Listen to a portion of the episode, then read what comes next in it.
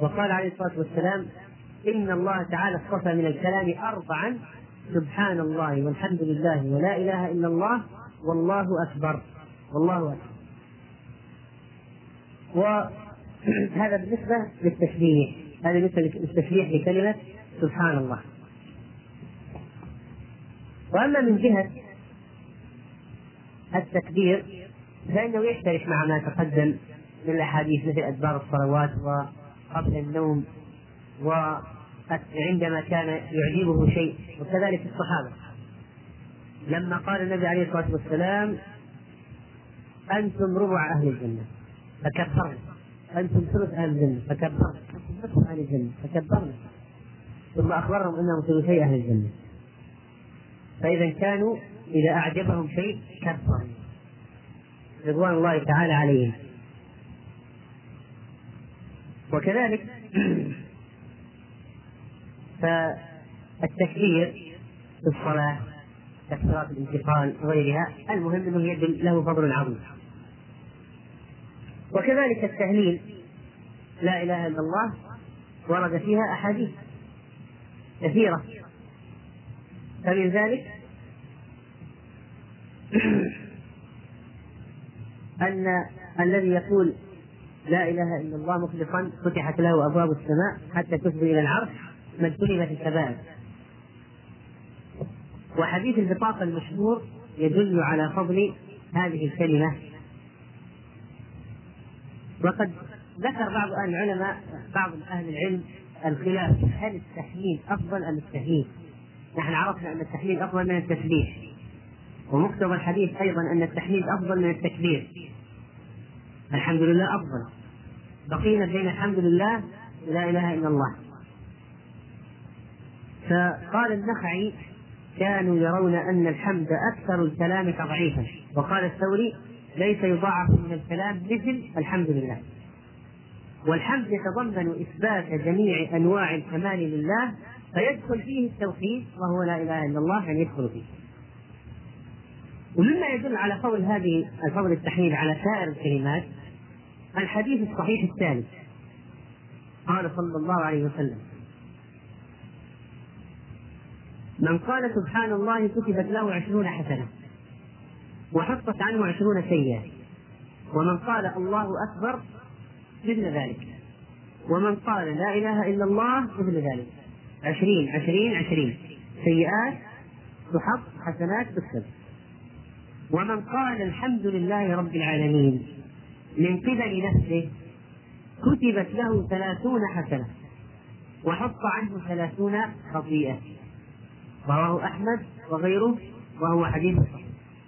هذا يدل على أن الحمد أفضل الكلمات.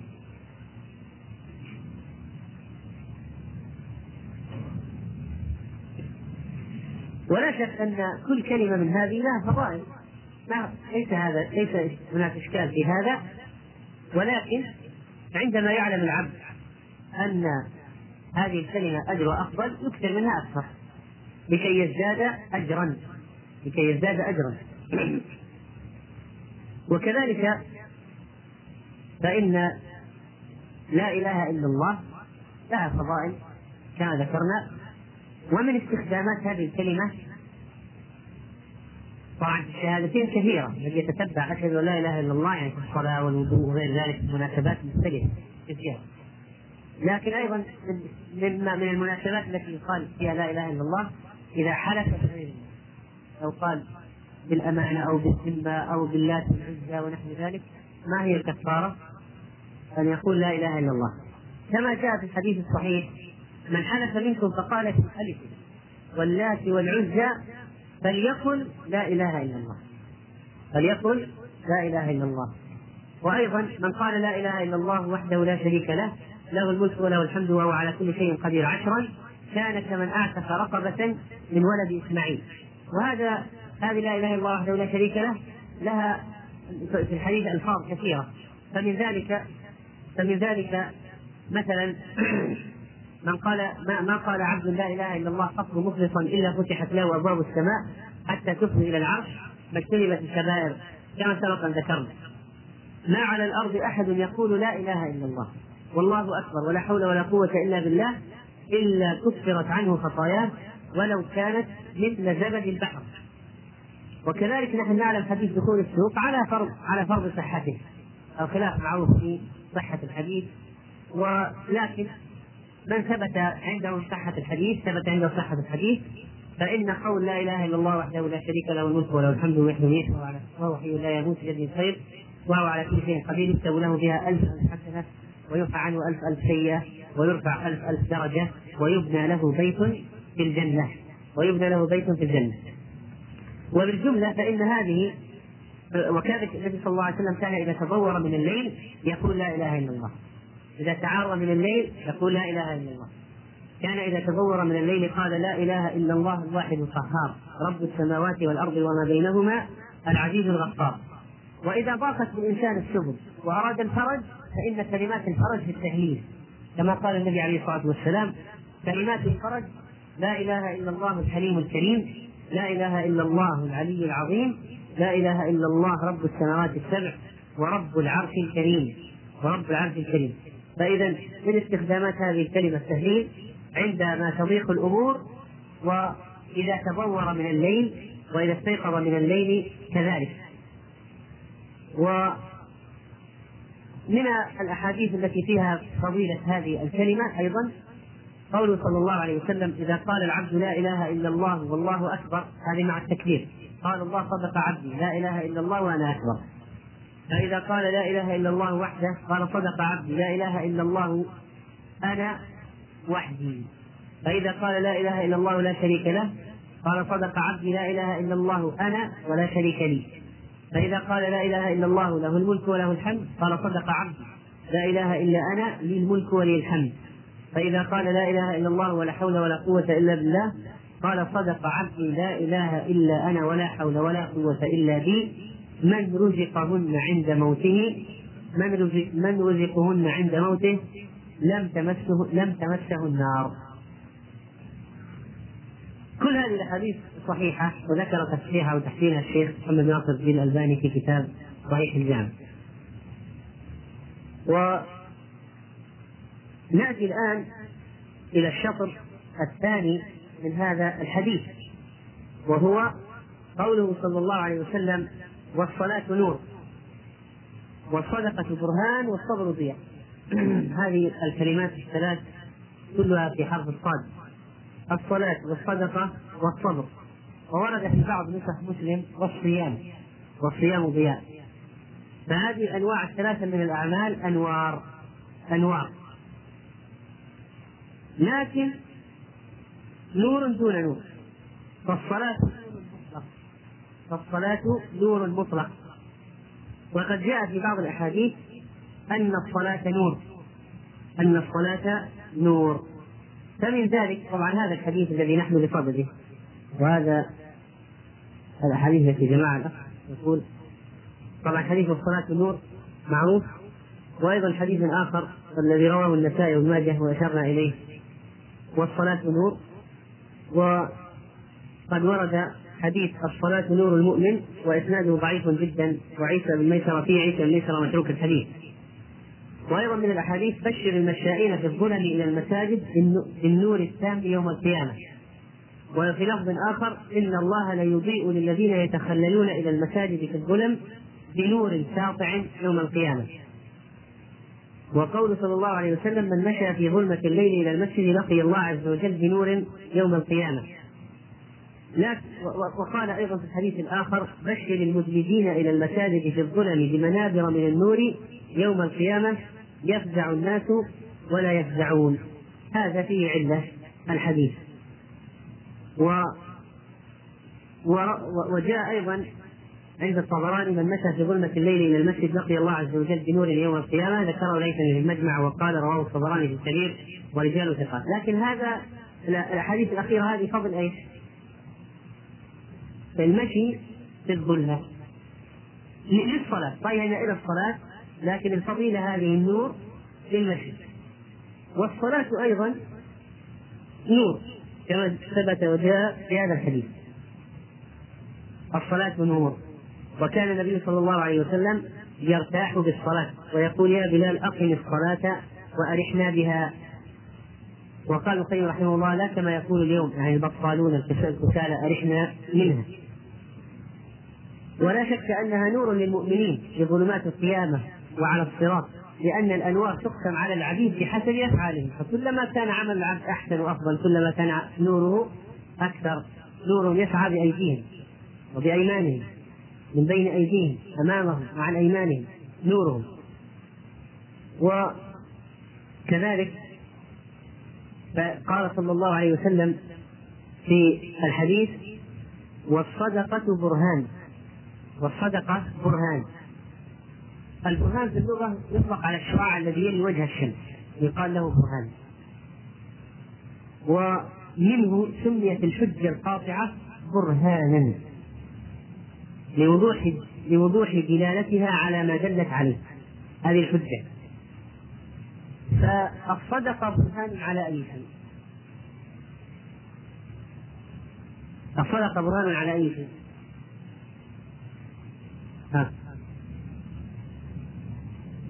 على صحة على صحة الإيمان وقوة الإيمان وطيب النفس. وقد قال النبي صلى الله عليه وسلم في حديثة عليه في كل عام الحديث أطيب بها نفسه؟ هذا من أدلة أنه طعم طعم الإيمان فعلا. أنه طعم طعم الإيمان فعلا. ذلك لأن مخالفة هوى النفس التي تفيد جمع المال والمحافظة عليه وعدم إخراجه مقاومة هوى النفس شديد. فمن يفعل ذلك كان ذلك دليلا على صدق إيمانه وأنه تغلب على نفسه. وقد جاء في أحاديث فضل الصدقة فمن ذلك قوله صلى الله عليه وسلم صدقة السر تطفئ غضب الرب. وصلة الرحم تزيد في العمر وفعل المعروف يقي مصالح السر صدقة السر تطفئ غضب الرب. ومعلوم أن من من السبعة الذين يظلهم الله في عرشه الرجل الذي تصدق بصدقة فاخفاها وقال النبي صلى الله عليه وسلم ما فتح رجل باب عطية بصدقة أو صلة إلا زاده الله تعالى بها كثرة. وقال صلى الله عليه وسلم ما تصدق أحد بصدقة من طيب ولا يقبل الله إلا الطيب.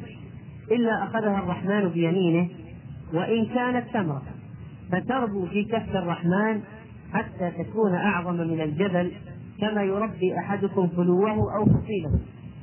رواه الترمذي والنسائي بن ماجه وهو حديث صحيح. وقال النبي صلى الله عليه وسلم ما يخرج رجل شيئا من الصدقة حتى يفك عنها لحيي سبعين شيطانا رواه أحمد الحاكم وهو حديث صحيح.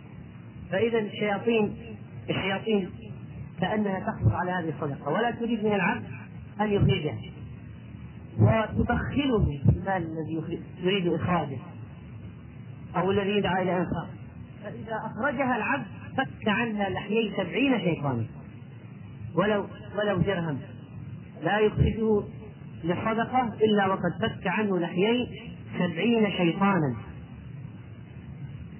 وهذا ما يتعلق بفضل الصدقة. وكذلك نعلم أن هناك باب في الجنة مخصوص للصدقة. كما قال النبي عليه الصلاة والسلام من أنفق زوجين في سبيل الله من أي شيء؟ من أي شيء؟ زوجين من أي شيء؟ اثنين. نودي من أبواب الجنة يا عبد الله هذا خير. قال في الحديث ومن كان من أهل الصدقة دعي من باب الصدقة. ومن كان من أهل الصدقة دعي من باب الصدقة. فإذا لا شك أن الذي يخرج المال وهو شاق على نفسه يحتاج إلى مجاهدة. ولذلك فإن هذه الصدقة برهان على كمال الإيمان. قال في الحديث أيضا قال في الحديث. طبعا بعض الناس قد لا يتخيل مدى حب بعض الناس للمال العرب بعض العرب لماذا رضوا بالقتال؟ رضوا بالقتال وارتدوا عن الدين بأي شيء؟ يا منع الزكاة؟ لا يريد إخراجها رضوا بأن تنقل القضية إلى القتال. وارتدوا عن الدين من أجل منع الزكاة. من أجل الزكاة. منعوه ولذلك وقال الله سبحانه وتعالى عن الإنسان وإنه لحب الخير لشديد. وقال وتحبون المال حبا جما. فإذا أخرجه فقد جاهد نفسه. معناه أنه جاهد نفسه. ومعلوم أن الناس يتفاوتون في الصدقات بحسب نسبة ما يخرجونه إلى أموالهم. كما قال النبي صلى الله عليه وسلم سبق درهم مئة ألف درهم. رجل عنده درهمان تصدق بأحدهما كأنه تصدق بنصف ماله واحد عنده مال كثير فأخذ الملايين أخذ من عرضه مئة ألف فتصدق بها أيهما أفضل؟ الدرهم سبق مئة ألف درهم معناها أنه أفضل. فبعض الناس قد لا يكون عنده أموال كثيرة. قد يكون طلابا أو يكون عمالا أو يكون في بطالة ما عنده عمل. يبحثون عن عمل. يكون ماله قليل فيمكن في هذا القليل وربما يكون عند الله أكثر أجرا من التاجر الذي ينفق لكن عنده ما ما تضره. ولا تخلقه ولا تزعجه. لأن عنده ملايين غير مستفيد لو لو أنفقها لتعوضت في الصفقة القادمة وفي البيعة القادمة وهكذا وقال النبي صلى الله عليه وسلم في هذا الحديث الصبر ضياء الضياء هو النور الذي يكون فيه نوع من الحرارة والإحراق بخلاف النور المحض. أيهم أشد النور أم الضياء؟ أيهم أشد؟ الضياء أشد. ألم تر أن الله سبحانه وتعالى يقول هو الذي جعل الشمس ضياء والقمر نورا؟ الضياء أشد من النور. الضياء أشد من النور. لاحظ انه قال الصلاة عن الصلاة نور قال عن الصبر ضياء. لماذا عبر عن الصبر بالضياء الذي فيه شدة أكثر من النور؟ لأن الصبر شاق على النفس شاق على النفس الصبر شاق على النفس. مر الطعم. ولذلك عبر عنه بالضياء. أما النور فإن فيه إشراق بغير إحراق ولاحظ أن الله سبحانه وتعالى لما وصف التوراة وصفها أنها ضياء والقرآن وصفه بأنه نور. لماذا؟ التوراة فيها شدة على بني إسرائيل. حرمت عليهم أشياء كثيرة بسبب ظلمهم. صح ولا لا؟ كان فيها آثار وأغلال. ولذلك قال الله سبحانه وتعالى ولقد أتينا موسى وهارون الفرقان وضياء وذكرا للمتقين. فذكر أن في التوراة ذكر أن فيها نور لكن وصفها أكثر بالضياء. قال إن أنزلنا التوراة فيها فيها هدى ونور. ما وصفها أنها نور؟ قال فيها نور لكن وصفها بأنها ضياء. لماذا؟ لشدة ما فيها عليه. أما القرآن الذي جاء يضع عنهم إثرهم والأغلال التي كانت عليهم وجاء برفع الحرج وجعل التوبة كلمات وليست أن يقتل الإنسان نفسه. وأحلت الغنائم وكانت من أول يعني تسرق وأبيحت الشحوم وأبيحت الأشياء الكثيرة التي كانت محرمة على من قبلنا. فوصفه بالنور. فقال الله سبحانه وتعالى قد جاءكم من الله نور وكتاب مبين. وقال الله عز وجل فالذين آمنوا به وعزروه ونصروه واتبعوا النور الذي أنزل معه. فوصفه بأنه نور. لأن فيه تخفيف. ما فيه شدة ضياء التوراة وإنما فيه فيه اشراف و ولكن بغير هذه الشدة التي كانت موجودة في التوراه على بني إسرائيل. فوصف هنا الصبر بأنه ضياء. الذي كما قلنا فيه معنى الشدة والإحراق. لماذا؟ لثقله على النفس ولمشقته ولأن النفس تحتاج لمجاهدة كبيرة لكي تكون صابرة. والصبر هو الكف والحبس والمنع. وهذه أشياء تحتاج إلى مجاهدة كف وحبس ومنع.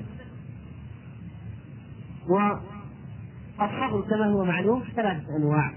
صبر على طاعة الله صبر عن معصية الله وصبر على أقدار الله عز وجل. لا شك أن الصبر على الطاعات أفضلها ثم الصبر عن المعاصي ثم الصبر على الأقدار لأنه ليس للعبد فيها حيله ولا اختيار. بخلاف الصبر على الطاعة والصبر عن المعصية فإن العبد يملك أن يفعل أو لا يفعل. بخلاف القدر ماذا بقى؟ نزل. ليس له فيه اختيار. حصل. ولذلك صار صبر يوسف على طاعة الله وصبره عن معصية الله أكمل من صبره على إلقاء إخوته له في الجب والصيام يجتمع كما رد بعض الصيام يجتمع في أنواع الصبر الثلاثة. الصبر على الطاعة والصبر عن المعصية لا يأكل ولا يشرب ولا ينكح في النهار. والصبر على الأقدار لأنه يصيبه بهذا الصيام عطش وجهد وتعب ووهم فيصبر على ما أصابه على ما أصابه بسبب الصيام. ولذلك فسروا قول الله عز وجل إما إنما يوفى الصابرون أجرهم بغير حساب لأن الصابرين في هذه الآية هم الصائمون. قال صلى الله عليه وسلم في الحديث والقرآن حجة لك أو عليك. القرآن حجة لك أو عليك. قال بعض السلف ما جالس أحد القرآن فقام عنه ثاني بل إما أن يربح أو أن يخسر. ثم تلا هذه الآية وننزل من القرآن ما هو شفاء ورحمة للمؤمنين ولا يزيد الظالمين إلا خسارة إما حجة لك أو عليك ولذلك صح عن ابن مسعود رضي الله عنه أنه قال القرآن شافع مشفع. يعني لو شفع في صاحبه قبلت شفاعة القرآن يوم القيامة. شافع مشفع. يقول يا رب حله يأتي القرآن مع صاحبه يقوده يوم القيامة. يا رب حله يا رب اكسبه. يحل يكسى تاج الوقار كما ثبت في الحديث الصحيح. شافع مشفع وماحل مصدق أما الماحل فهو المجادل. الخصم المجادل. مصدق بما يقول. مصدق بما يقول ويتكلم. فمن جعله أمامه قاده إلى الجنة هذا كلام مسعود ومن جعله خلف ظهره قاده إلى النار. فإذا القرآن حجة لك أو عليك. إما أن تقوم به تقرأ وتقوم بما فيه فيكون لك وأجر وتثبيت وإما أنك تقرأ وتخالف سمعنا وعصينا ويكون حجة عليك أنك لم تحرم حرامه ولم تقوم ولم تقوم بالحدود فيكون حجة عليك. ثم قال النبي صلى الله عليه وسلم كل الناس يغدو كل الناس يغدو فبائع نفسه فمعتقها أو موبقها. فمعتقها أو موبقها. هذا مثل ما قال الله عز وجل ونفس وما سواها فألهمها فجورها وتقواها. قد أفلح من زكاها وقد خاب من دساها فإذا كل إنسان يسعى إما في هلاك نفسه أو في فكاكها ونجاتها. لا بد لا تجد شخص إلا وهو يسعى ثم تنظر في السعي. فتجد إما أنه سعي في فلاح في نجاة النفس أو في هلاك لا بد من واحد منهما. فمن سعى في طاعة الله وباع نفسه لله أعتق نفسه من العذاب. ومن سعى في معصية الله ومشى في ذنوب المعاصي واتبع سبل الشيطان فقد باع نفسه بالهوان بالهوان وأوبقها بالآثام واستوجب غضب الله سبحانه وتعالى. ولذلك هذه النفس عظيمة. إن الله جعلها الله سلعة لدخول الجنة. إن الله اشترى من المؤمنين أنفسهم وأموالهم لأن لهم الجنة. ومن الناس من من يشري نفسه ابتغاء مرضات الله. والله رؤوف بالعباد. ولذلك فإن النبي عليه الصلاة والسلام كما جاء في صحيح البخاري خطر قال يا بني عبد مناف اشتروا أنفسكم من الله. يا بني عبد المطلب اشتروا الله يا عمة رسول الله يا فاطمة بنت محمد اشتريا أنفسكما من الله لا أملك لكما من الله شيئا. وفي رواية انقذوا أنفسكم من النار. يا فاطمة انقذي نفسك من النار فإني لا أملك لكم من الله شيئا. بعض السلف حصل عندهم شيء من الأعمال العظيمة والارتقاء فهذا أحدهم كانوا يشترون أنفسهم من الله بالأموال فمنهم من تصدق بماله ومنهم من تصدق بوزنه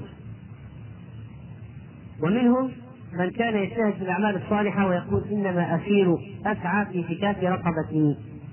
ومنهم من كان يسبح آلاف التسبيحات كأنها دية يريد أن يقدمها كأنه قتل نفسه فهو يستكبر فيها. ولكن بدل من الدراهم بالتسبيحات. وقال أبو بكر بن عياش قال لي رجل مرة وأنا شاب خلص رقبتك ما استطعت في الدنيا من نفس الآخرة. فإن أسير الآخرة غير مطلوب أبدا. قال فوالله ما نسيتها بعد. وكان بعض السلف يبكي ويقول ليس لي نفسان إنما لي نفس واحدة. إذا ذهبت لم أجد أخرى. لم أجد أخرى. فإذا لا بما أن النفس هذه عزيزة وغالية وثمينة فيجب على الإنسان أن لا يتلفها في المعاصي. وإنما ينفق هذه النفس في طاعة الله سبحانه وتعالى. فلا يصلح أن تذهب هدرا أن يذهب هذا الشباب وهذا وهذه القوة هذا الجهد يذهب هدرا هذا النشاط. وإنما لا بد أن ينفقه ويتلف النفس في طاعة الله. إنقاذا له يبذل نفسه لله إنقاذا له فيشتري نفسه ويعتق نفسه. قاتل. هذا بالنسبة لشرح هذا الحديث. هل في هل هناك شيء يتعلق بهذا الحديث؟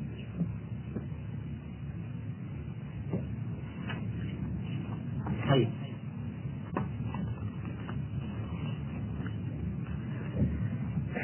الحديث الذي يليه ها؟ هو من ناب في الصلاة فليسبح إذا حصل أي شيء. قد ينبه شخص خارج الصلاة على شيء. لا بأس. وكذلك هو وسيلة للفتح على الإمام إذا أخطأ في الانتقال مثلا أو في الأركان أو طيب. الحديث الثاني الحديث الثاني حديث عظيم وهو أعظم أحاديث أهل الشام. وهو حديث قدسي. فعلينا نأخذ منه طرفا. وهو الحديث الرابع والعشرون. حساب الله.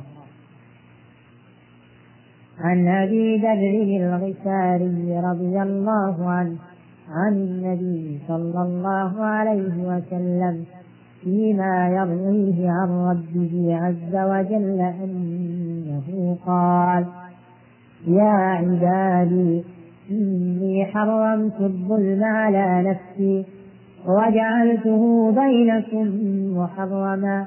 فلا تظالموا يا عبادي كلكم ضال إلا من هديته فاستهدوني أهلكم. يا عبادي كلكم جائع إلا من أطعمته فاستطعموني أطعمكم. يا عبادي كلكم عار إلا من كسوته فاستكفوني أكفكم يا عبادي إنكم تخطئون بالليل والنهار وأنا أغفر الذنوب جميعا فاستغفروني أغفر لكم.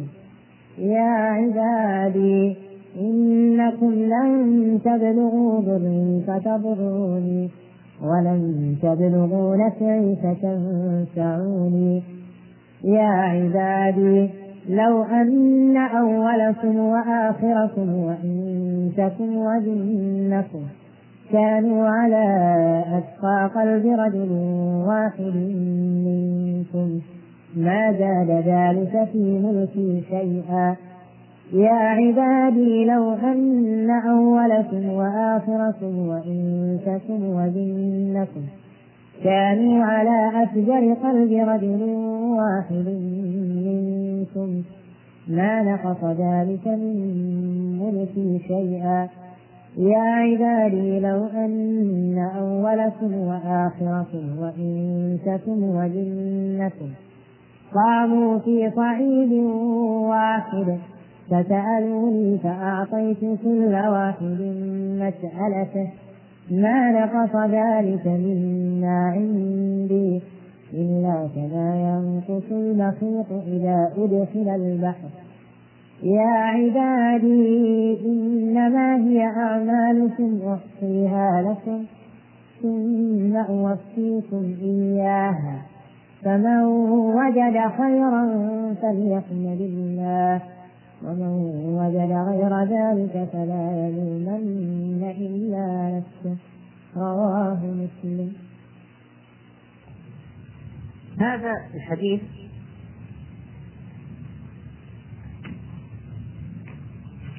قال شيخ الإسلام في شأنه.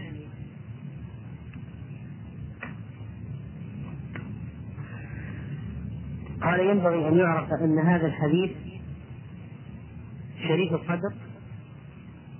عظيم المنزلة ولهذا كان الإمام أحمد يقول هو أشرف حديث لأهل الشام. وكان أبو إدريس الخولاني إذا حدث به جثى على ركبتيه. وراويه أبو ذر الذي ما أظل في الخضراء ولا أقل في الغبراء أصدق لهجة أصدق لهجة منه. وهو من الأحاديث الإلهية التي رواها الرسول صلى الله عليه وسلم عن ربه وأخبر أنها من كلام الله وإن لم تكن قرآنا وقد جمع في هذا الباب حديث يتكلم فيه الشرح جاهل السحامي وعبد الغني المقدسي وأبو عبد الله المقدسي وغيرهم. وهذا الحديث قد تضمن من قواعد الدين العظيمه في العلوم والأعمال والأصول والفروع. ثم شرع مثال. أما معنى قول الإمام أحمد رحمه الله هذا أفضل حديث لأهل الشام. فهو الحديث أخرجه أحمد والترمذي وابن ماجه وغيره. وعلى رأس من خرجه بطبيعة الحال الإمام مسلم رحمه الله في صحيح آه، يشرح العبارة الإمام النووي في كتاب الأذكار. فإنه أتى بالحديث بإسناده.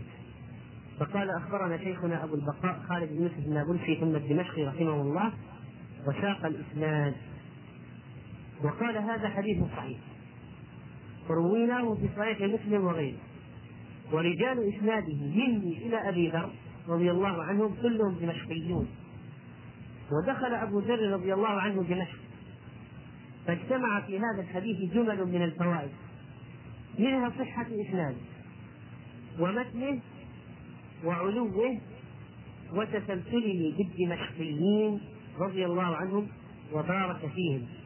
ومنها ما اشتمل عليه من البيان يعني من فضائل الحديث يقول النووي لقواعد عظيمة في أصول الدين وفروعه والآداب ولطائف القلوب وغيرها ولله الحمد.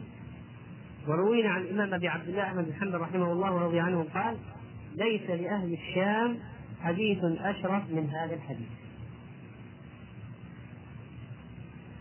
هذا إذا نبذة عن شرفه وفضله هذا الحديث القدسي العظيم. وعمن تكلم وشرحه شرح هذا الحديث. طبعا النووي لا شك أنه سيضع وضعه في هذه الأربعين. وتناوله العلماء في الشرح والإيضاح. ونريد أن نتكلم فقط الآن عن مسألة واحدة نختم بها هذا المجلس.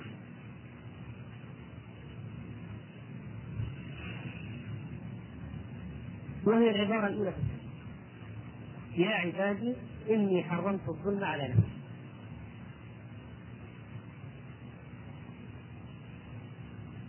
قال شيخ الإسلام رحمه الله هذه العبارة فيها مسألتان كبيرتان كل منهما ذات شعب وسنة إحداهما في الظلم الذي حرمه الله على نفسه ونفاه عن نفسه. إحداهما بالظلم الذي حرمه الله على نفسه ونفاه عن نفسه. و هذه القضية قضية الكلام في مسألة الظلم كلام فيه مجلة أقدام. لأنه قد ضاع السلام عليه طوائف من الناس. حتى أن أحد الأقوال أو أحد القولين فيه قولان مشهوران. أحدهما قول الأشاعرة قول الأشعري وقول الجبرية تابعهم عليه طوائف من أهل السنة والحديث والفقه. أخذوه أخذوا هذا القول اقتنعوا به رغم كونه مرفوض ذلك ينبغي الانتباه فيه. والمسألة تتلخص هل الله سبحانه وتعالى يقدر أن يظلم أو لا يقدر؟ وأما الذين الطائف الذين اتبعهم قالوا إنه يستحيل أن يظلم وقول اللي اختار شيخ الإسلام ابن تيمية ونصره وذكر صحته أنه ملخص أنه سبحانه وتعالى قادر على الظلم. لكن حرمه على نفسه فلا فلا لأجل ذلك لا هو قادر. يعني أنت القدرة عليه. أنت القدرة عليه. ولكن لا يظلم لأنه حرمه عليه. أما أولئك رفضوا أصلا الإقرار بهذا. قالوا يستحيل أصلا. لا يرد أصلا. وحتى لما تأتي في تفسير الظلم من تفاسير الظلم وضع الشيء في غير موضعه تفسير آخر التصرف في الشيء في التصرف في ملك الغير بغير إذنه. على التفسير الثاني هذا الذي هو أبعد عن معنى الظلم المعنى الألصق بالظلم اعتمد أولئك الذين ينفون القدرة يعني قدرة الله. والله سبحانه وتعالى لا شك أنه حرم الظلم على نفسه ونفسه وقال وما ظلمناه ولا يظلم ربك أحد. إن الله لا يظلم مثقال ذرة. ونفى إرادته للظلم. وما الله يريد ظلما للعالمين. وخوف الحساب يوم القيامة لا يحصل المؤمنين من أي ظلم من قبل الله أبدا. ومن يعمل من الصالحات وهو مؤمن فلا يخاف ظلما ولا هضما. قال شيخ الإسلام فإن الناس تنازعوا في معنى هذا الظلم تنازعا صاروا فيه بين طرفين متباعدين ووسط بينهم وخيار الأمور أوساطها. وذلك من أين نشأت القضية؟ بسبب البحث في القدر. بسبب البحث في القدر إذ الخوض في ذلك بغير علم تام أوجب ضلال عامة الأمم ولهذا نهى النبي صلى الله عليه وسلم عن التنازع فيه. طيب و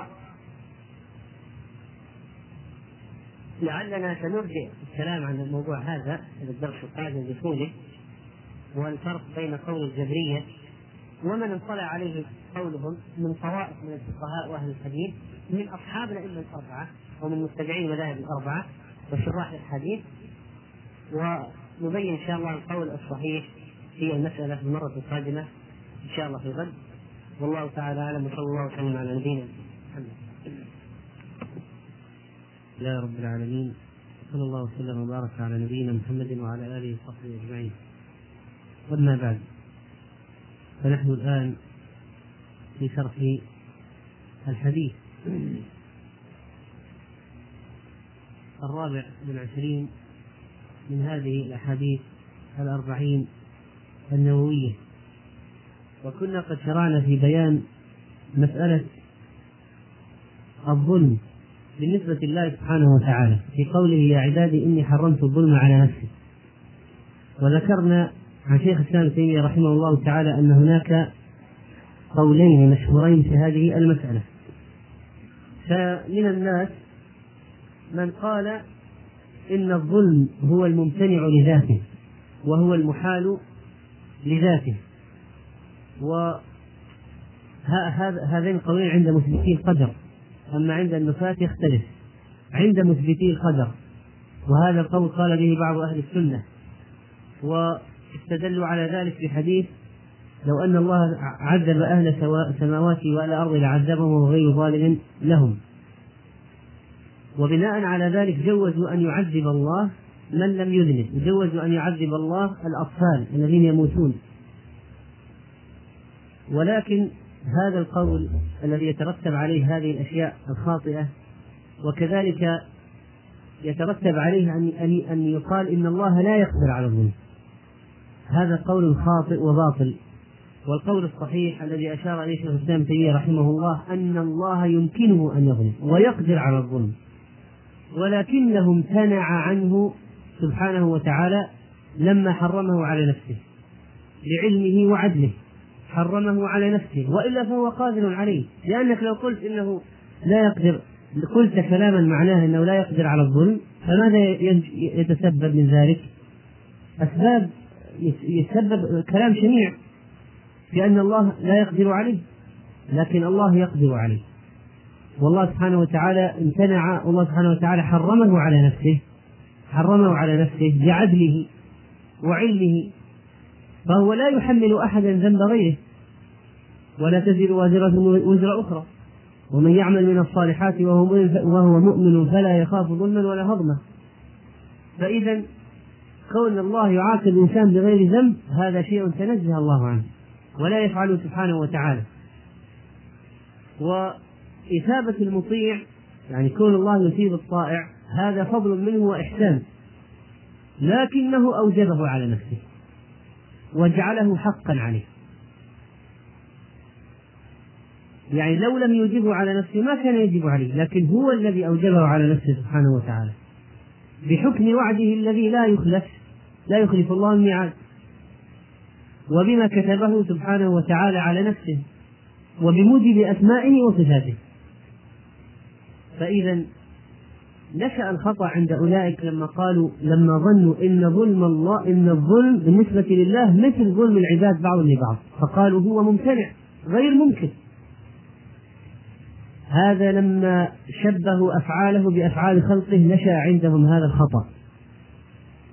ولذلك نقول هذا القول وإن قال به بعض أهل السنة وقال شيخ الإسلام تلقى هذا القول عن هؤلاء يعني منحرفين طوائف من أهل الإثبات الذين يثبتون القدر من الفقهاء وأهل الحديث من أصحاب مالك والشافعي وأحمد وغيرهم ومن شراح الحديث ونحوهم وفسروا هذا الحديث بما ينبني على هذا القول واستدلوا له بكلام بنحو كلام إياس بن معاوية ما نظرت بعقلي كل أحد إلا القدرية قلت لهم ما الظلم قالوا أن تأخذ ما ليس لك أو أن تتصرف فيما ليس لك.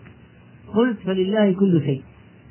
وطبعا هذا الكلام قلنا هذا أحد المعاني وإلا المعنى الأصلي للظلم وضع الأشياء في غير موضعها.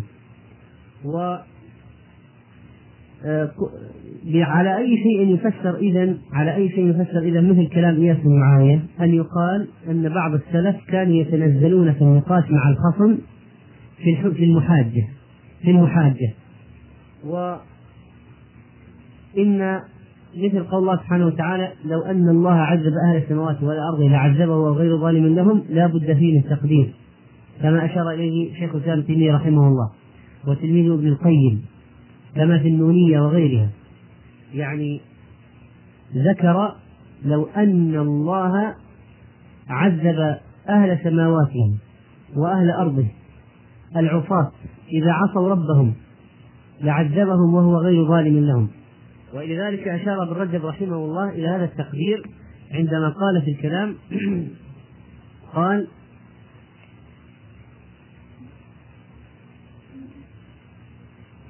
ذكر القولين ذكر القول ذكر القولين وقال وقد يحمل على أنه يعني هذا الحديث لعذبه وغير ظالم لهم لعذبهم وغير ظالم لهم على أنه لو أراد تعذيبهم لقدر لهم ما يعذبهم عليه.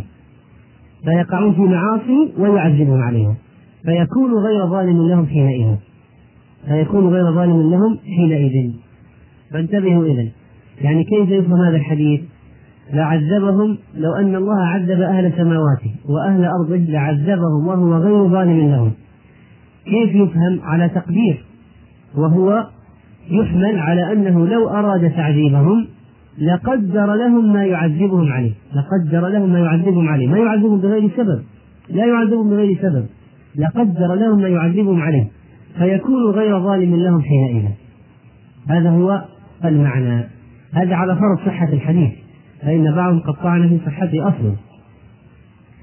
لكن من باب من باب الرد على أدلة أولئك التي يحتجون بها في منع الظلم عن يقولون الله سبحانه وتعالى أن يقولون كلاما مفاده أن الله لا يستطيع أن يظلم لا يقدر أن يظلم. هذا مفاد هذا خطورة القول. وهذا لا معناه أن الله ليس على كل شيء قدير. ولذلك أشار شيخ الإسلام ابن تيمية رحمه الله القول الصحيح في المسألة أن الظلم ممكن مقدور له. أن الظلم ممكن مقدور له يستطيع سبحانه وتعالى يقدر عليه. لكنه حرمه على نفسه. لعلمه يوفي الصالحين أجرهم ويعطيهم الجزاء على أعمالهم. وهو محسن إليهم بأمره ونهيه وهو محسن إليهم بأن أقدرهم على الطاعات وهو محسن إليهم بإثابتهم بإثابته إياهم عليها فهو محسن في تعليمهم وإرسال الرسل إليهم وهو محسن إليهم في هذه الأوامر والنواهي ومحسن إليهم في تيسيره لهم في الطاعة ومحسن إليهم في إعطائهم الجزاء على العبادة. فكل سبحانه وتعالى من إحسانه. وكذلك أقول ما دام عرفنا هذا القول الصحيح في المسألة فلا داعي إلى التطويل فيه لأنه ليس يعني هذا كلام يقال العموم في في مسألة العقائد لمن يدرس ينبغي أن يعرف الحق قبل أن يخوض أن يخوض في الرد على أهل الباطل. والله سبحانه وتعالى لا يظلم كما قال وما أنا بظلام للعبيد وما الله يريد ظلما للعباد إن الله لا يظلم مثقال ذرة ومن يعمل من الصالحات وهو مؤمن فلا يخاف ظلما ولا هضما. والهضم أن ينقص من حق أن ينقص من جزاء حسناته فلا ينقص حسنة واحدة. والظلم أن يعاقب بذنب غيره. والله عز وجل حرم هذا وأخبر أنه لا تزر وازرة وزر أخرى. وهذا كثير في القرآن.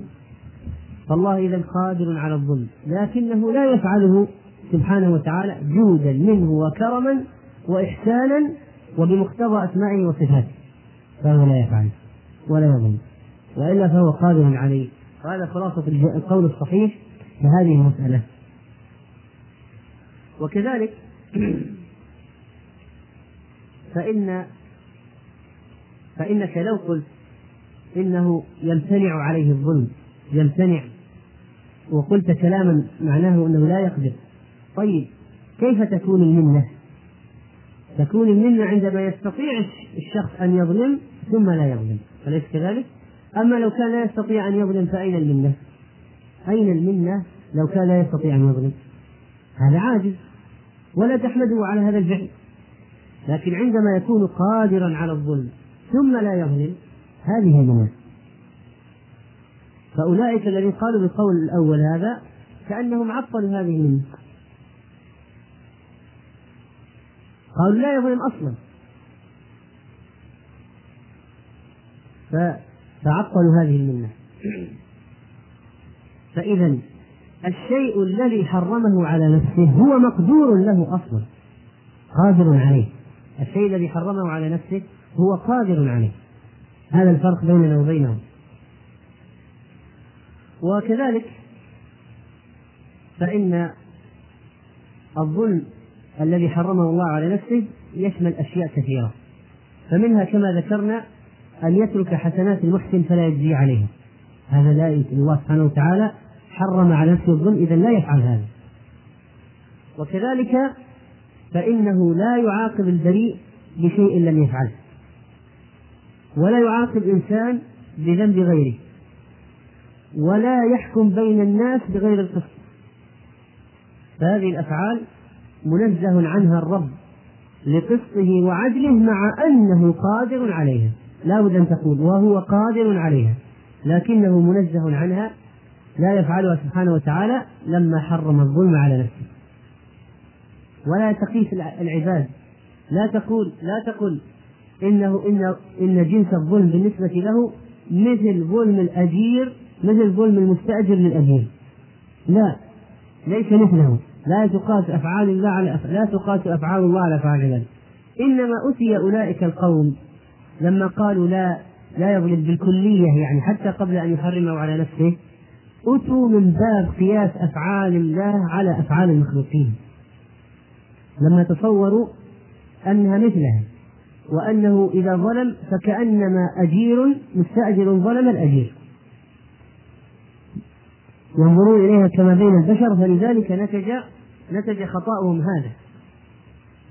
فإن الإنسان الذي يستأجر أجيرا ولا يوفيه الأجرة هذا من باب المعاوضة. المستأجر استوفى المنفعة. فلم يوفي الأجير أجره فيعتبر قد ظلمه. واضح ولا لا؟ يعني الآن بالنسبة للبشر واحد استأجر إنسان مثلا ليخيط له ثوبا خاط له الثوب ما أعطاه. هذا يعتبر إيش؟ ظلم بين العباد.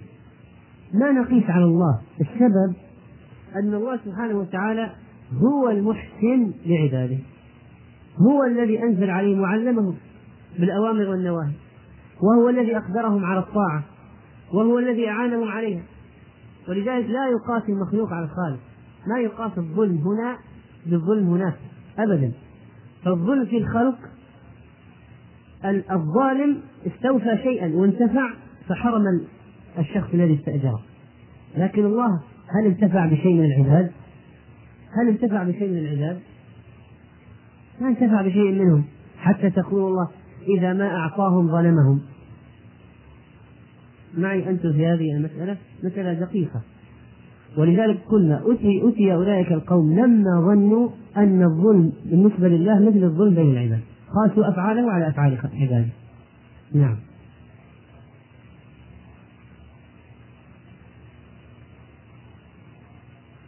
قادر عليه ولكنه حرمه على نفسه فهو لا يظلم. لما حرمه على نفسه لا يظلم. هو حرمه على نفسه. هو قادر عليه. ولا تقيس ولا يقاس هذا أفعال الله على أفعال خلقه. يعني هكذا نقول و وكذلك فإن فإنه مما ينبغي أن يعلم أيضا في هذا الموضوع أن الظلم أنواع. فمنه مثلا ظلم بالنسبة للعبد لما قال الله عز وجل وجعلت بينكم محرما فلا تظالموا. بالنسبة للعباد الظلم أنواع.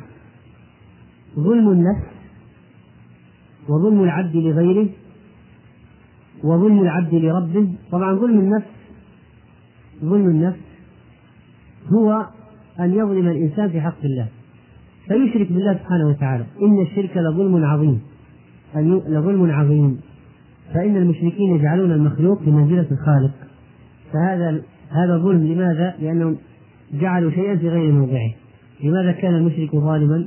لماذا كان الشرك ظلما عظيما؟ لأنه وضع الشيء في غير موضعه في غير موضعه.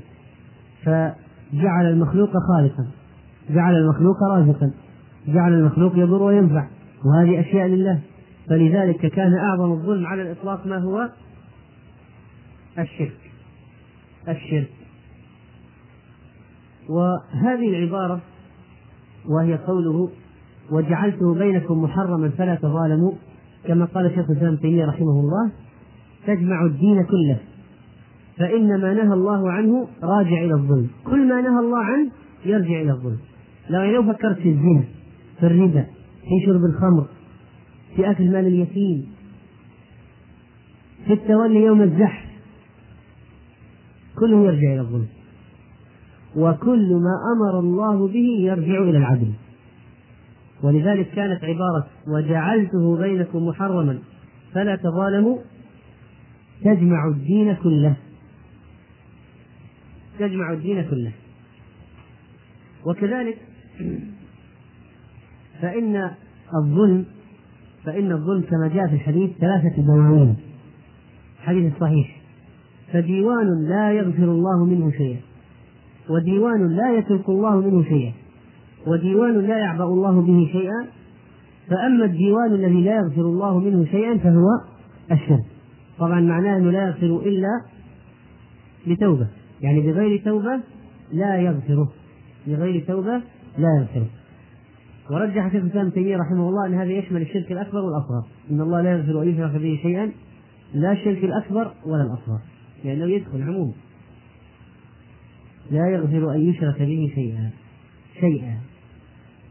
عام. ولذلك ينبغي أن يتاب من الشرك بأنواعه. اللهم إني أعوذ بك أن أشرك بك شيئا أعلمه يعني ينبغي أن يكون مستمرا فيها لأنه لا يغفر إلا بتوبة. أما بقية السيئات يمكن أن تعمل حسنات ماحية. يمكن أن تكفرها المصائب صح ولا لا؟ يمكن تكفرها المصائب. أما الشرك فلا يكفر إلا بتوبة مخصوصة. فينبغي أن يستمر على التوبة من الشرك. فيقول العبد دائما يدعو بهذا الدعاء. اللهم إني أعوذ بك أن أشرك بك شيئا أعلم وأستغفرك مما لا أعلمه. وأما الديوان الذي لا يترك الله منه شيئا يعني يستوفيه لأهله لا يترك منه شيئا فهو ظلم العباد بعضهم بعضا ظلم العباد بعض لبعض لا بد أن الله عز وجل يستوفيه. وينصف المظلوم من الظالم. يوم القيامة يعطي كل مظلوم حقه من ظالمه. ولا يترك منه شيئا سبحانه وتعالى. وأما الديوان الذي لا يعبأ الله به شيئا فهو ظلم العبد نفسه فيما بينه وبين ربه. يعني هذا النوع يمكن أن يغفر. يمكن أن يغفر. ويدخل تحت المشيئة. فإن شاء عذبه وإن شاء غفر له. فإذا غير الشرك وغير حقوق العباد الباقي تحت المشيئة. إن شاء عذبه وإن شاء غفر له. لكن حقوق العباد ما ما تذهب. لابد أن يأخذ حقه المظلوم. وما هو أسوأ هذه ما أسوأ دواوين الظلم؟ الشرك. إن فرعون علا في الأرض وجعل أهلها شيعا. يستضعف طائفة منهم. هذا النوع أسوأ الأنواع على الإطلاق الذي قال أنا ربكم الأعلى. و من عدله سبحانه أنه شرع القصاص. لما قال وجعلت بينكم محرما فلا تظالموا من عدله أنه شرع القصاص. فانظر إلى شرعه للقصاص. وما ينطوي عليه من العدل ومحاربة الظلم. لأن الشريعة مبناها على العدل. العدل في الدماء والعدل في الأموال والعدل في الأعراض والعدل في الأنساب العدل في الأبضاع فلذلك جاءت السنة بالقصاص. فمن اعتدى على واحد في دمه أو ماله أو عرضه فإنه يختص فإنه يختص وله حد ويقام عليه حد حتى الضرب واللطمة عند الفقهاء يقولون ما دام إذا كان لا يمكن المماثلة فيه عدل فإنه قالوا بالتعزير. ولكن ثبت عن النبي صلى الله عليه وسلم ثبوت القصاص القصاص به لأنه أقرب إلى العدل والمماثلة. يعني حتى الضربة واللطمة. وكذلك فإن من عدله سبحانه وتعالى أن العبد يقول يوم القيامة كما جاء في الحديث الصحيح يا رب ألم تجرني من الظلم؟ فيقول بلى. فيقول إني لا أجيز على نفسي إلا شاهدا مني. فيقول كفى بنفسك اليوم عليك شهيدا وبالكرام الكاتبين شهودا. فيختم على فيه ويقال لأركانه انطقي فتنطق بأعماله. ويقال لأركانه انطقي فتنطق بأعماله ثم يخلى بينه وبين الكلام فيقول بعدا لكن وسحقا فعنكن كنت أناضل. رواه أحمد ومسلم وغيرهما. وكذلك من عدله سبحانه وعدم ظلمه ظلمه. يعني يتجلى هذا أيضا في اليوم الآخر كما هو في الدنيا. قضية الخلق الذين يكونون في الجنة وفي النار. فإن النبي صلى الله عليه وسلم قد قال في الحديث الحديث المتفق عليه تحاجت النار والجنة فقالت النار أثرت بالمتكبرين والمتجبرين. وقالت الجنة فما لي لا يدخلني إلا ضعفاء الناس وسقطهم وعجزهم. فقال الله عز وجل الجنة إنما أنت رحمتي أرحم بك من أشاء من عبادي. وقال للنار إنما أنت عذابي أعذب بك من أشاء من عبادي. ولكل واحدة منكما ملؤها. فأما النار فلا تمتلئ حتى يضع الله حتى يضع الله قدمه عليها. فتقول قطن قطن. أو قطني قطني فهنالك تمتلئ. وينزوي بعضها إلى بعض. فلا يظلم الله من خلقه أحدا لا يدخل النار لا لا لا, لا لأجل أن النار بقي فيها مكان فمكان تستوعب فيدخل الناس ما عملوا شيئا يدخلهم جهنم. لا. وإنما يضع قدمه فينزوي بعضها إلى بعض والمكان الذي فيها المتسع يتسع ينقبض يزول وعلى ذلك يحمل من قال من قال كلام بعض أهل العلم بفناء النار أنه أنه هذا الجزء يفنى أما بقية النار باقية طبيعة الحال. وينزوي بعضها إلى بعض فتضيق على اهلها وأما الجنة فإن الله ينشئ لها خلقا. يعني من رحمته وحكمته يبقى في الجنة موضع. فينشئ خلقا يدخلهم الجنة. لكن ما ينشئ خلقا يدخلهم النار. ما عملوا شيئا فيدخلهم النار.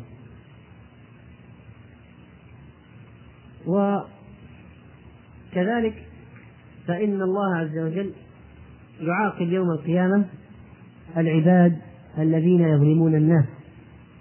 كما جاء في الحديث الصحيح في موضوع القصاص إن الله تعالى لا يظلم المؤمن حسنة يعطي عليها في الدنيا ويثاب عليها في الآخرة أو يعطى عليها في الدنيا ويثاب عليها في الآخرة. وأما الكافر فيطعم بحسناته في الدنيا يعني حتى الكافر يعطيه. افرض واحد كافر كفل يتيم. تصدق. طبيب كافر أجرى عملية بالمجان مثلا. ما الله سبحانه وتعالى يعطيه. في الدنيا. صحة ومالا وجاها وأولادا يعطيهم من نعيم الدنيا. لكن في الآخرة ليس لهم عند الله من خلاق ما لهم شيء البتة. وأما الكافر فيطعم بحسناته في الدنيا حتى إذا أفضى إلى الآخرة لم تكن له حسنة يعطى بها خيرا. ما له شيء. ما له عند رب العالمين شيء أبدا. وحقوق العباد عند الله عظيمة. حتى أن الله سبحانه وتعالى يعاقب الذين يظلمون الناس كما ذكرنا وخصوصا في مسألة الأراضي. لأن لأنها مجال واسع للظلم في الأراضي. فكثير من الناس يستولون على الأراضي يضعون أيديهم على الأراضي أراضي غيرهم أو يعدل حدود الأرض ويغير منارها. فيضم من أرض جاره شيئا. فالشبر الواحد الحق حق. الله لا يضيع حقوق العباد. الحق حق. فإذا ما أخذ العبد حقه في الدنيا يوم القيامة كيف يكون؟ يقول النبي صلى الله عليه وسلم أيما رجل ظلم شبرا من الأرض كلفه الله كلفه الله أن يحفره حتى يبلغ آخر سبع أراضين ثم يطوقه يوم القيامة حتى يقضى بين الناس. يعني لو أنه ظلم شبر واحد فقط يحفره. هذا ألم الحفر والعذاب. يحفره حتى يستخرجه كله إلى سبع أراضين هذا الشبر هذا إلى سبع أراضين في العمق. فيطوقه به كله حول عنقه. في يوم كان مقداره خمسين ألف سنة. كيف الذين يغتصبون الأميال والهكتارات؟ كيف يكون حالهم إذن؟ هذا من عقوبة الله للظالم الذي يأخذ الأرض التي ليست له.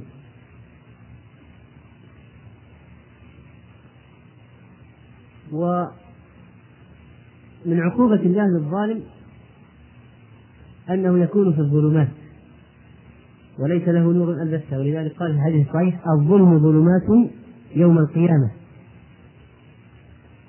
وبعض الناس يقولون إن هذا الظالم ينعم في ملكه وماله وجاهه ويأكل ويشرب ويمرح ويلعب ويتنعم. فأين العقوبة؟ فنقول إن النبي صلى الله عليه وسلم قال إن الله ليملي للظالم حتى إذا أخذه لم يفلته إنما نملي لهم ليزدادوا إثما وكذلك أخذ ربك إذا أخذ القرى وهي ظالمة إن أخذه أليم شديد. فينبغي لذلك العبد من العبد فينبغي على العبد أن يتحرز من حقوق العباد وأن يرد إليهم حقوقهم ويتحلل من مظالمهم. كما قال النبي عليه الصلاة والسلام من كانت عنده مظلمة لأخيه فليتحلله منها. فإنه ليس ثم دينار ولا درهم من قبل أن يؤخذ لأخيه من حسناته. فإن لم يكن له حسنات أخذ من سيئات أخيه فطرحت عليه. رواه البخاري رحمه الله تعالى في صحيحه. لما ذكر عز وجل لما ذكر الله سبحانه وتعالى في أول الحديث ذكر ما أوجبه من العدل وما حرمه من الظلم. على نفسه وعلى عباده. ذكر بعد ذلك إحسانه إلى عباده مع استغنائه عنهم وفقرهم إليه وهو مع, مع ذلك محسن إليهم وهم لا يقدرون لأنفسهم أن يجلبوا لأنفسهم شيئا ولا منفعة ولا يدفع عن أنفسهم مضرة إلا إذا كان هو الميسر لذلك. وأمر العباد أن يسألوه جلب النفع ودفع الضر. وأخبر أنهم لا يقدرون على نفعه ولا ضره مع عظم ما يوصل إليهم من النعمة ويدفع عنهم من البلاء. يعني كأنه يقول لهم أنا أعطيكم أجد لكم المنافع وأمنع عنكم مضار كثيرة وأنتم لا تقدرون أن تنفعوني بشيء. هذا موجود في الحديث. وهذا لا شك أن العبد بموجبه يستحي من نفسه.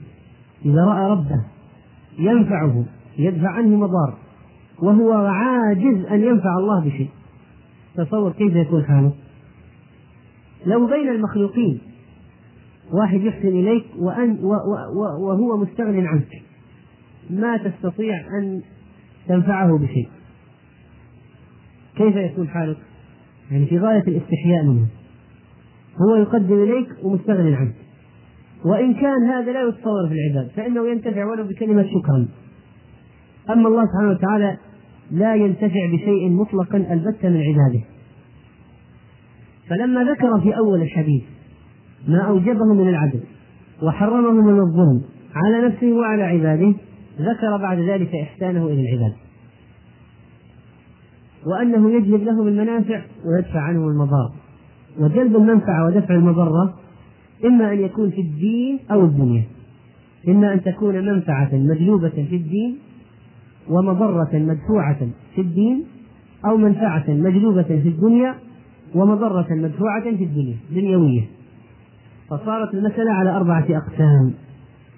فإذا نظرت إلى رؤوس هذه الأقسام فستصبح على النحو التالي. بالنسبة للأمور الدنيا بالنسبة للأمور الدينية ما هي أعظم منفعة؟ ما هي أعظم منفعة دينية؟ ما هي أعظم منفعة دينية؟ فيها جلب نفع الجواب الهداية. وما هي أعظم منفعة دينية؟ فيها دفع مضرة. الجواب المغفرة. صح ولا لا؟ طيب. وأما بالنسبة للأمور الدنيوية فإنه ذكر في هذا الحديث الطعام والكسوة. فالطعام فيه جلب لمنفعة الإنسان والكسوة دفع للمضرة من الحر البرد والعري ونحو ذلك. فذكر في هذا الحديث أربعة أشياء. الهداية والمغفرة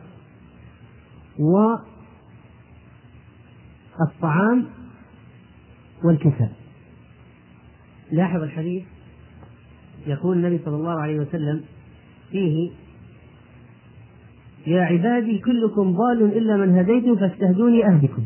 هذه الدينية التي فيها جلب منفعة.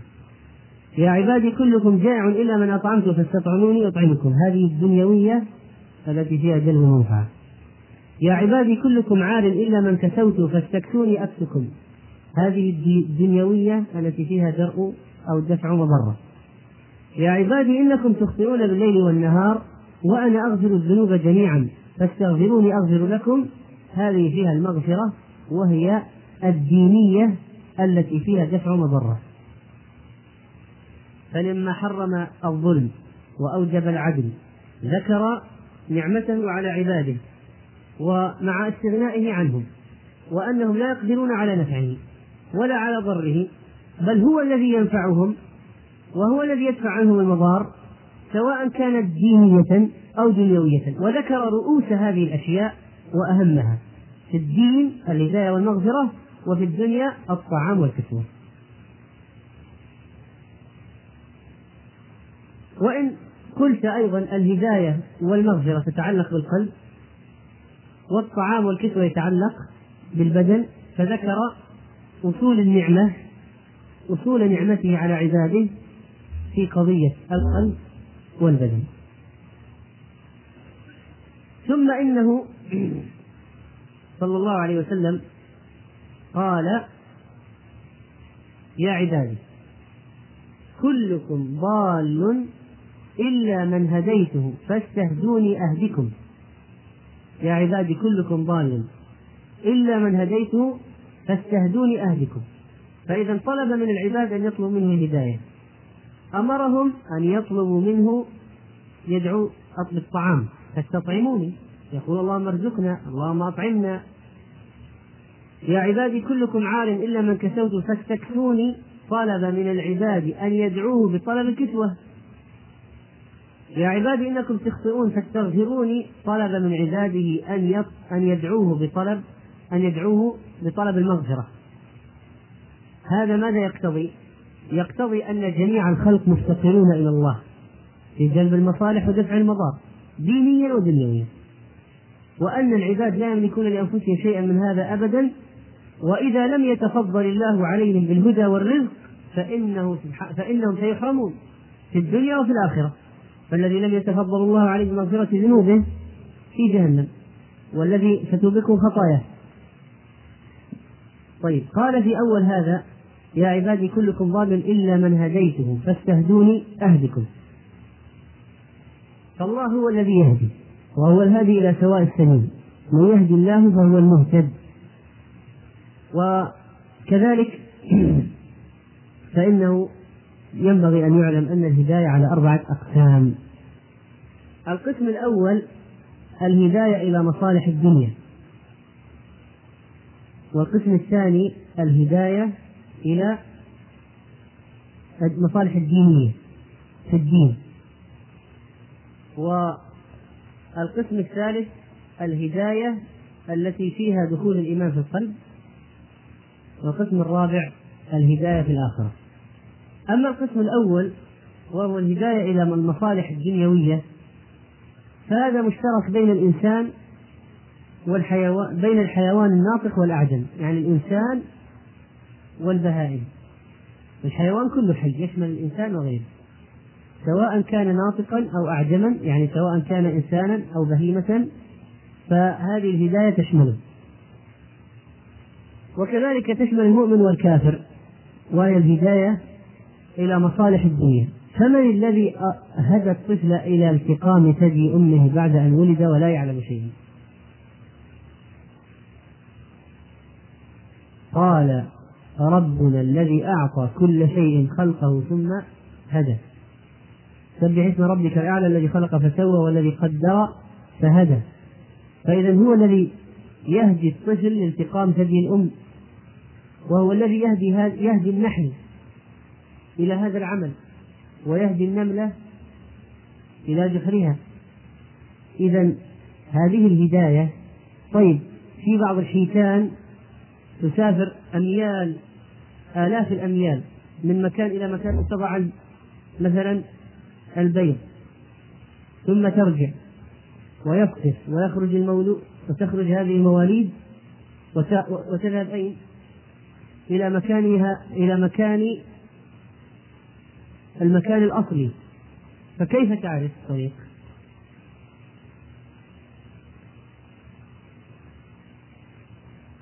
كله كله بهداية الله والطيور كذلك تهاجر.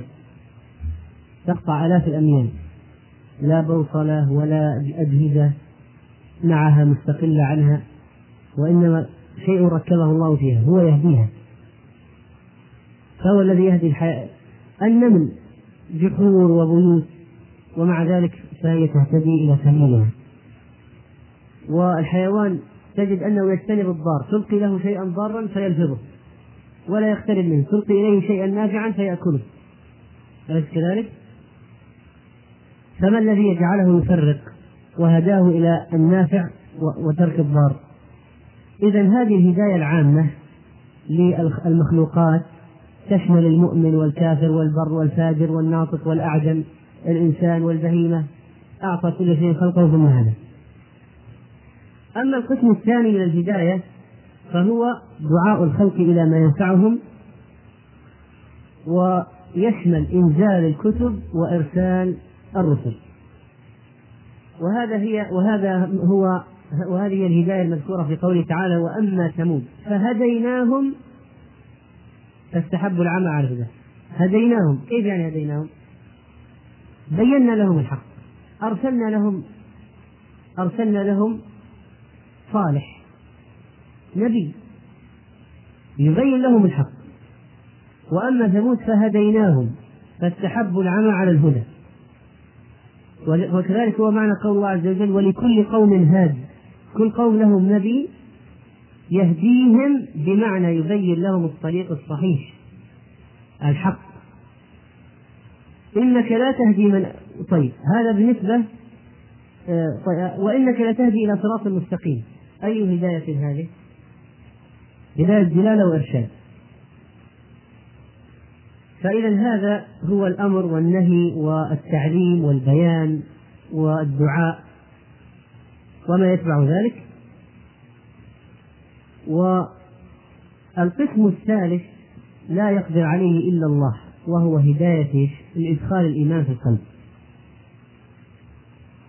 إنك لا تهدي من أحببت يعني لا تدخل الإيمان في قلبك.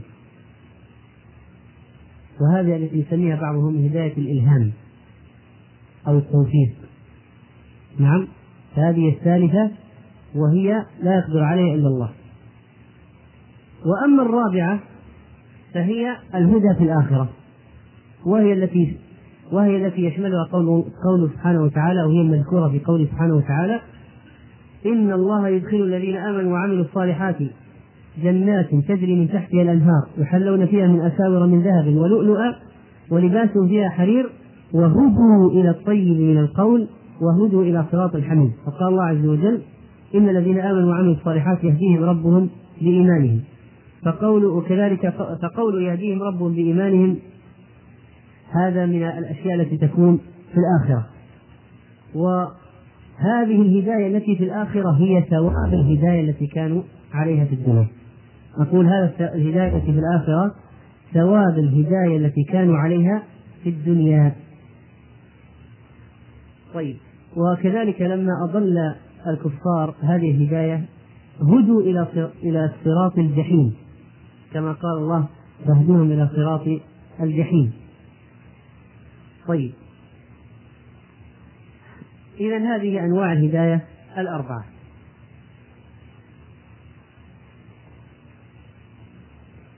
فالداعية إلى الله هاد يهدي لكن أي هداية؟ الدلالة والإرشاد. ليس عليك هداهم هداية التوفيق إلى الحق وإدخال الإيمان في القلب. طيب.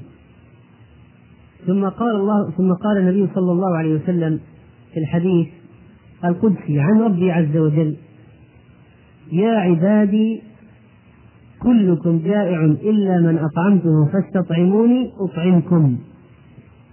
فاستطعموني. هذا فيه رد أو هذا الكلام يا عبادي كلكم جائع إلا من أطعمته فاستطعموني أطعمكم. فيها وجوب التوكل على الله في طلب الرزق مع الأخذ بالأسباب. مع الأخذ بالأسباب. فإنه لا يقدر القدرة المطلقة على الإطعام والكسوة إلا الله. والقدرة التي تحصل لبعض العباد تكون على بعض الأسباب. ولذلك المخلوق يرزق ويكسو ولا لا؟ المخلوق يرزق هل المخلوق يرزق؟ ها؟ نعم وعلى المولود له رزقهن وكسوتهن بالمعروف فهذا شيء أوجبه الله على الأب المولود له رزقهن وكسوتهن بالمعروف لكن أي رزق هذا؟ هذا رزق خاص بسبب وليس الرزق العام فهو سبب. يأتي عن طريق الأب الرزق للأولاد. فهو بهذا المعنى يرزق. بهذا المعنى يرزق. وبهذا المعنى يكفي. يكفي. لكن من هو الذي عنده القدرة المطلقة على على الرزق والكسوة؟ هو الله سبحانه وتعالى. فالمأمور له المأمور به هنا الأب وعلى المولود له رزقهن الشيء الذي يستطيعه. الشيء الذي هو مقدور بالنسبة له. العبد يطعم أو لا يطعم؟ الله يقول تستطعمون يطعمكم لكن العبد يطعم ولا لا؟ يطعم. يطعم. كما قال الله سبحانه وتعالى أو إطعامه في يوم ذي مسغبة فأطعموا القانع والمعتر. من هو القانع ومن هو المعتر ها؟ من هو القانع ومن هو المعتر؟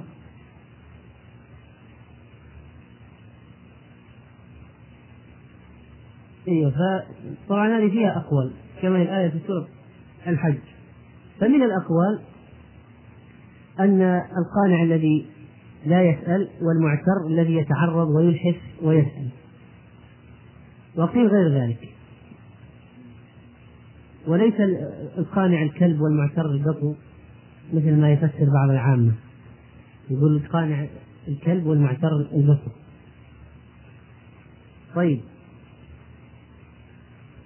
ف إذا أرشد هنا إلى قضية التوكل عليه والأخذ بالأسباب. فمن ترك التوكل واكتفى بالأسباب فهو ظالم لنفسه ومغرور ويوكل إلى نفسه وإذا وكل الله شخصا لنفسه فإنه يكل إلى عجز وضعف وعورة. ومن رجع رزقا من غير الله خذله الله. ومن رجا النصر من غير الله خذله الله. والذي يتوكل ولا يأخذ بالأسباب فتوكله غير صحيح في المقابل. وهو جاهل ظالم عاص لله. لأنه ترك ما أمر الله به. الله أمر بالأخذ بالأسباب وهو تركه. ويدل على هذا قوله صلى الله عليه وسلم احرص على ما ينفعك واستعن بالله. احرص على ما ينفعك يعني خذ بالأسباب. واستعن بالله. يعني لا تعتمد على الأسباب وتترك الاستعانة بالله والتوكل عليه. فمن اكتفى بأحدهما فقد عصى أحد الأمرين. إما الأمر بالتوكل أو الأمر بأخذ الأسباب. ولذلك لما النبي صلى الله عليه وسلم سئل عن أدوية قال عن أبي خزامة عن أبيه قال سألت النبي صلى الله عليه وسلم فقلت يا رسول الله أرأيت ادويه نتداوى بها ورقا نسترقي بها وتقاتا نتقيها هل ترد من قدر الله شيئا؟ فقال هي من قدر الله فقال هي من قدر الله فإذا دلت الآيات والأحاديث على أن الهداية والرزق من الله سبحانه وتعالى. إبراهيم عتب على قومه عنفهم في هذه المسألة. فلما تكلم عن أصنامهم وأخبر أنها عدوة له فإنهم عدو لي إلا رب العالمين. الذي خلقني فهو يهدين والذي يطعمني ويسقين وإذا مرضت فهو يشفين والذي يميتني ثم يحيين والذي أطمع أن يغفر لي خطيئتي يوم الدين. وأنت تجد أن الآيات والأحاديث متعاضدة مشروحة بعضها ببعض.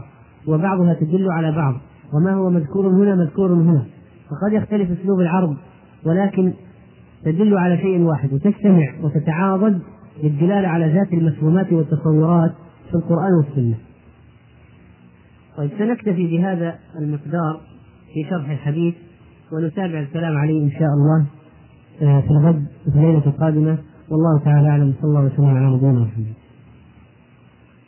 فنحن في شرح الحديث الرابع والعشرين وهو حديث قدسي يرويه النبي صلى الله عليه وسلم عن ربه عز وجل. ومعلوم أن الحديث القدسي يختلف عن الحديث الذي هو كلامه مضمونه ولفظه من النبي صلى الله عليه وسلم.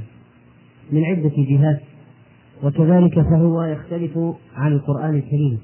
من عدة جهات. فالقرآن الكريم منقول إلينا بالتواتر والحديث القدسي منه ما هو الصحيح ومنه ما هو ضعيف ومنه ما هو موضوع ولذلك فلا بد من البحث في صحته بخلاف القرآن الكريم الذي لا يبحث في صحته أصلا لأنه نقل بالتواتر. وكذلك فإن القرآن يؤجر الإنسان على قراءته بكل بكل حرف عشر حسنات وهذا ليس منطبقا في الحديث القدسي. وكذلك فإنه يقرأ به في الصلاة القرآن ولا يقرأ بالحديث القدسي. إلى غير ذلك من الأحكام كقراءته للجنب ونحو ذلك. وأما الفرق بينه وبين الحديث عن النبي صلى الله عليه وسلم فهو من عدة جهات منها أن الحديث من النبي صلى الله عليه وسلم مضمونه ولفظه من النبي عليه الصلاة والسلام. والحديث القدسي أوحاه الله إلى نبيه صلى الله عليه وسلم أوحى إليه المعنى. والنبي عليه الصلاة والسلام بلغنا إياه بلفظه. وقد يقول قائل إن الحديث النبوي وحي.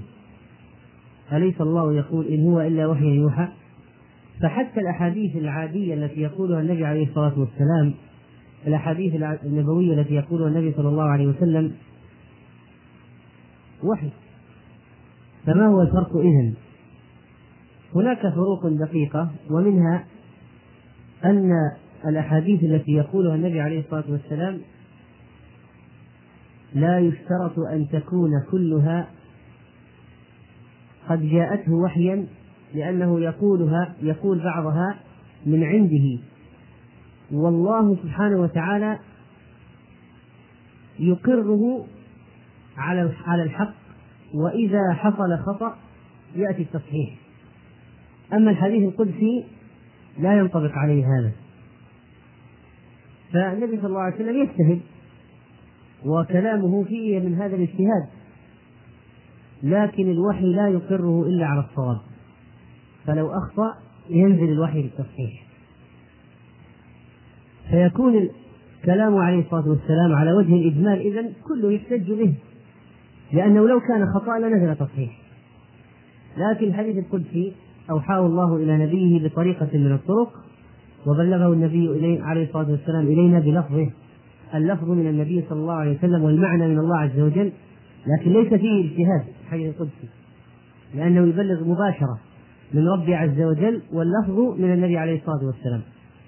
الأحاديث النبوية الأخرى فيها من اجتهاده صلى الله عليه وسلم لكن يحتج بها كلها لأنه لو كان هناك خطأ لنزل التصحيح ولا يقر الله سبحانه وتعالى نبيه على شيء من الخطأ مطلقا فلو اجتهد وله الحق عليه الصلاة والسلام في الاجتهاد كما سبق أن ذكرنا له الحق في الاجتهاد ولكن لو أخطأ لصوب. نعم. نعم. لا إذا كان كذلك فما هو الفرق بينه وبين القرآن؟ إذا كان كتاب كلام الله كتاب الله. كلام الله. التوراة والإنجيل كلام الله. ليس لا تقول أن اللفظ من موسى وعيسى. والمعنى من الله. تقول التوراة والإنجيل كلام الله تكلم به على الحقيقة. فلا فلا يقارن. يعني هذا مثله لكي نحتج به. القرآن والإنجيل والتوراة كلام الله وتكلم الله به على الحقيقة بلغة القوم ولذلك نص. كما قال الشيخ سام غيره تكلم الله تكلم الله بالقرآن بالعربية وبالتوراة بالعبرية وبالإنجيل بالسريانية. يعني تكلم بلغتهم. تكلم على الحقيقة. طيب على أي